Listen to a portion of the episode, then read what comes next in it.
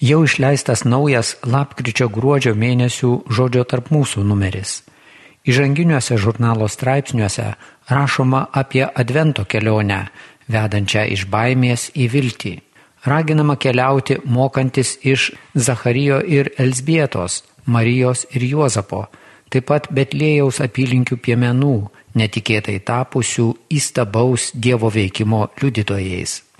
Nebijoti ir pasitikėti, kitaip tariant, baimę įveikti pasitikėjimu, be nedažniausiai nuskambantis raginimas šventajame rašte.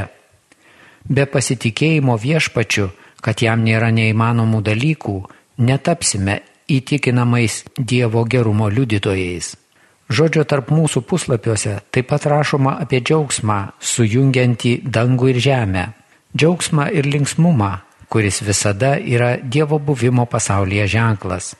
Džiaugsmą, kuris apima ne tik paskirų žmonės, bet ir visą bendruomenę. Džiaugsmą skirtą visam pasauliui. Svarbiausia žodžio tarp mūsų dalis - kasdienės liturginių skaitinių meditacijos Jos palydės iki pat liturginių metų pabaigos ir įves į adventą naujus liturginius metus. Padės neužmiršti kasdien remtis viešpačiu, jo viltis ir džiaugtis jame. Priminame, kad žodį tarp mūsų nuo lapkričio galite užsiprenumeruoti ateinantiems metams. Kviečiame kaip pagalba naujų metų tikėjimo kelionėje užprenumeruoti ir kitam. Ieškokite žurnalo katalikų knyginuose ir savo parapijoje. Lapkričio mėnesio maldinėlio Magnificat pristatymas.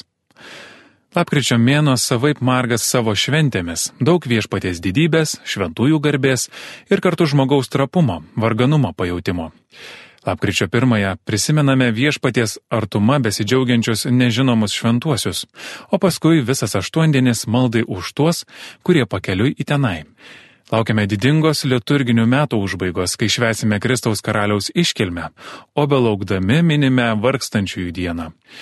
Kaip yra sakęs viešpats Jėzus, vargstančiųjų visada turėsime šalia. Neretai ir mes patys kažkuria prasme suvargę.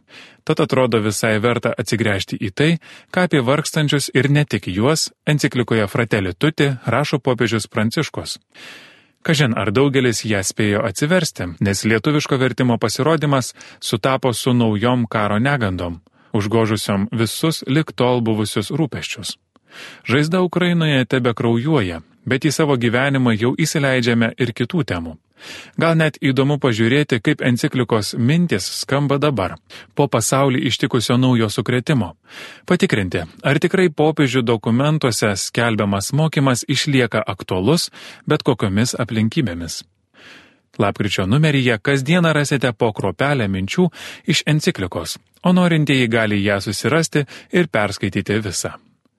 Šį mėnesį maldinėlyje taip pat galėsite perskaityti Jolantos Stupelytės straipsnį apie viršelį puošiančios iš Odezos atkeliavusios ikonos atvaizdą - gelbėtoje su dangaus galybėmis.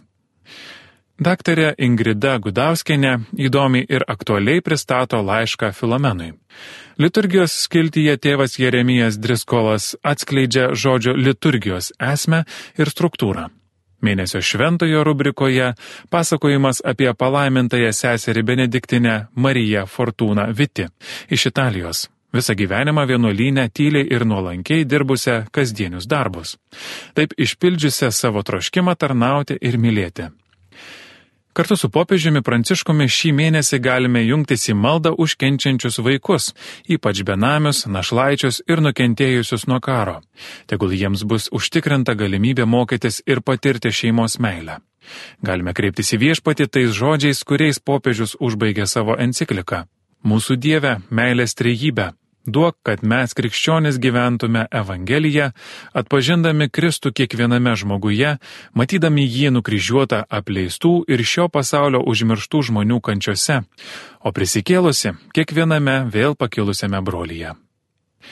Maldinėlio Magnificat pristatymą parengė Magnificat redakcija.